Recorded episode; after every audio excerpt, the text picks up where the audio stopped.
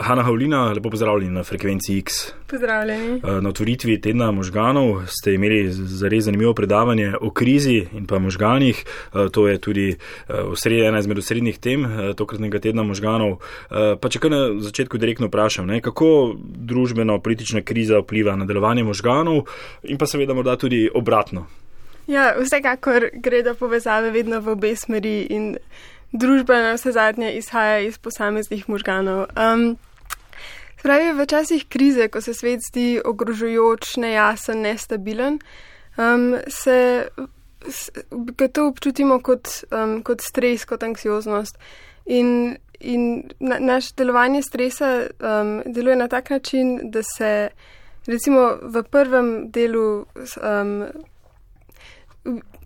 da v, v prvi instanci najprej um, je adrenalinski odziv, se zelo burno odzovemo in se um, pretok krvi gre predvsem v mišice, v, v te bolj um, evolucijsko stare možganske strukture, ki so narejene za zelo hitro reagiranje, ampak ne za um, v bistvu avtomatično reagiranje, ki pa ni fleksibilno, ki je zelo. Um, ki, ki ni mogoče najbolj primerno za krize, s katerimi se soočamo danes. Tudi dolgoročni stres, v, pri katerem predvsem sodeluje hormon kortizol, ne vpliva zelo dobro na naše možgane.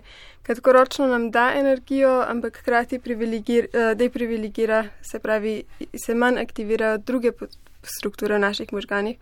Recimo hipokampus, ki je um, odgovoren za shranjevanje spominov v dolgoročni spomin in pa za um, v bistvu nadzorovanje stresa, se pravi, dlje časa, kot smo pod stresom, um, manjše možnosti imamo, da se iz njega izvlečemo, in pa prefrontalni korteks, ki je odgovoren predvsem za abstraktno mišljenje, za kompleksno racionalno odločanje, za nadzorovanje impulzov.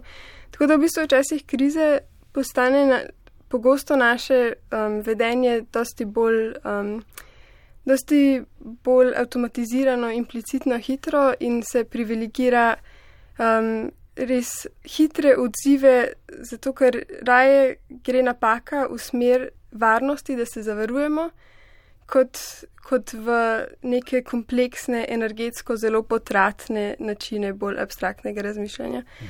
In s tem povezan je tudi v bistvu um, tudi sprememba političnih stališč v populaciji. Se pravi, včasih krize porastejo konzervativna stališča med ljudmi, mhm. Ker če, če v bistvu razmišljamo o tem, kaj je, saj glede na neuroznanstvene in psihološke raziskave, je osrednja razlika med posamezniki z bolj liberalnimi in bolj konzervativnimi stališči to, da konzervativni posamezniki svet vidijo kot ogrožujoč, druge kot potencijalne grožnje in se dosti bolj, um, dosti bolj se odzivajo, dosti bolj so občutljivi na kakršne koli negativne informacije iz okolja.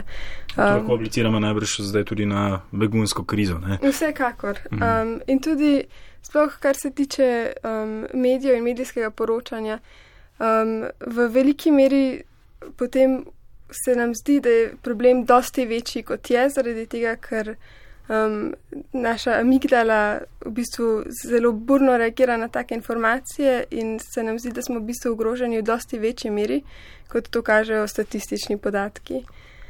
Um, uh, Izhodišče vašega predavanja uh, je zelo zanimivo izhodišče. Ne? Uh, eno izmed njih, ali imajo ljudje z različnimi političnimi pripričanji drugačne možgane? Ja, se pravi, pomembno je vedeti, da so možgani zelo plastični organi, da se skozi življenje spreminjajo, ampak raziskave so pokazale, da um, že samo strukturnim slikanjem možganov, samo, se pravi, samo slikanje zgradbe možgane, možganov lahko z več kot 70-odstotno uh, natančnostjo razlikujemo tiste, ki se opredeljujejo kot liberalne in tiste, ki se opredeljujejo kot konzervativne. In to predvsem zaradi razlik v velikosti treh struktur. Um, konzervativni posamezniki imajo večjo amigdalo, ki je od, desno amigdalo, ki je odgovorna za procesiranje strahu, grožnje, odziv na um, ogrožujoče dogodke v okolju, in pa levo insulo, ki je odgovorna za procesiranje gnusa. In tudi vidimo, da pri konzervativnih posameznikih, ne pa liberalnih, um, je eden od temeljev moralnega presojanja to, ali se jim nekaj zdi gnusno ali se jim nekaj gnusi. Um, Medtem ko pri liberalnih posameznikih najdemo v povprečju večji anteriorni cingulatni korteks, uh, katerega funkcije so um, integracija nove, novih informacij v predhodne informacije, reagiranje na nove informacije, um, tudi reagiranje na informacije, ki so na vides konfliktne in v bistvu na tak način. Vidimo tudi pri liberalnih posameznikih, da imajo večjo tolerantnost do ambivalentnosti, do nejasnih odgovorov, do tega, da, da, so, da so včasih situacija mnogo bolj kompleksna in mogoče kontradiktorna. Tudi krizo, torej ta dva pola, recimo konzervativni in liberalni, z različnimi možgani vidita drugače, najbrž. Ne? Ja, vsekakor. Tudi doživljate jo drugače. Ja, tako je. Sicer v času krize ravno ta poraz konzervativnih stališč kaže na to, da vseeno, ko posamezniki sploh recimo bolj centralno vidijo svet kot vse bolj ogrožujoč, bodo um, si želeli več jasnosti, stabilnosti, jasnih hierarhij, jasnih odnosov moči um, in, in da se bo v bistvu v večji meri privilegiralo posameznike, ki so jim podobni, ki so pripadniki njihove skupine in diskriminiralo drugačne posameznike, se pravi, zelo defenzivna drža.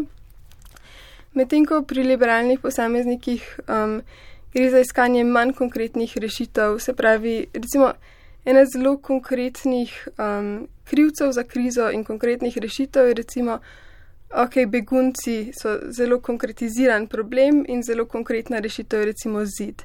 Um, kar pa mogoče dolgoročno ni najboljša strategija.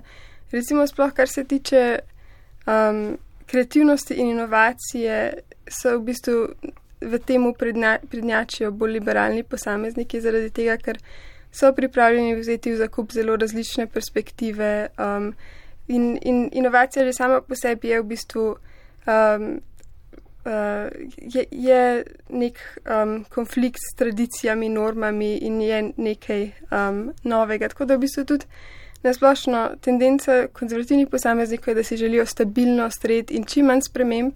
Tendenca bolj liberalnih pa, da si želijo spremembe in so pripravljeni tudi več tvegati za njih. Zdaj, za krizo so pa najbrž eh, krivi oboji, Zdaj, če gremo malce v prenesenem Got, pomenu. Ne? Gotovo in tudi ne smemo na tak način uh, iskati zgolj dveh polov. Seveda tudi pri rešitvah moramo upoštevati oba pola in oba načina razmišljanja. Um, in, in tudi, če, če že v bistvu razmišljamo evolucijsko, sta oba, oba stila razmišljanja služila svojim namenom pra, mislim, in upravljala pomembno funkcijo v družbi. Se pravi, medtem ko so bolj konzervativna stališča nas nekako obvarujejo, nam zagotavljajo neke stabilnost, rituale, identiteto. Um, so, so liberalna stališča nekako ma, malo bolj šla v inovacijo, v družbene spremembe, ampak hkrati pa tudi v več tveganja, ki ni vedno dobro. Si pa možgani, ne, ljudje, vedno želimo več, ne, zdaj konzervativno, liberalno, ne, ker v igri denar, kapital, ne, najbrž uh, delujejo tudi drugače. Ne, uh, torej je delovanje možganov odgovorno za krizo. Uh, to je tudi ena izmed vaših uh, test v predavanju.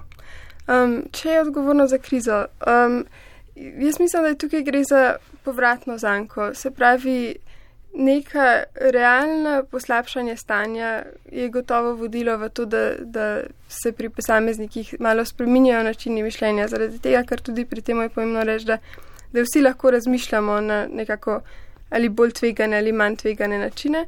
Um, hkrati pa mogoče naši odzivi na krizo, vsaj te prve reakcije, ki so bolj instinktivne, automatizirane, evolucijsko starejše, ki, ki izhajajo boljše iz tega načina plemenske ureditve družb, niso dolgoročno najbolj primerne. Uh, je krasni oziroma krizni novi svet, dobro ste parafrazirali ne, v naslovu uh, tedna možganov. Uh, torej, krizni novi svet je res nujno uh, nekaj slabega, ne, kaj se lahko človeški možgani, ljudje, družba naučimo, vzamemo uh, iz krize, kaj dobrega lahko odnesemo. Uh, najbrž škoda vseeno nekje ostane. Ne. Uh, ljudje smo si različni, ne. zmagovalcev je manj kot poražencev. Ne. Uh, Ja, tako je. Um, letos smo se bali, da z naslovom krizni novi spet izpademo malo preveč negativistično in smo iskali dobre pole. In, in kar je res, je, da kriza v bistvu kaže na nek problem v sistemu, ki je morda obstajal že pred tem in s tem v bistvu lahko ponudi priložnost, da celotno stvar izboljšamo, da, da iz krize izidemo boljši, kot smo bili prej.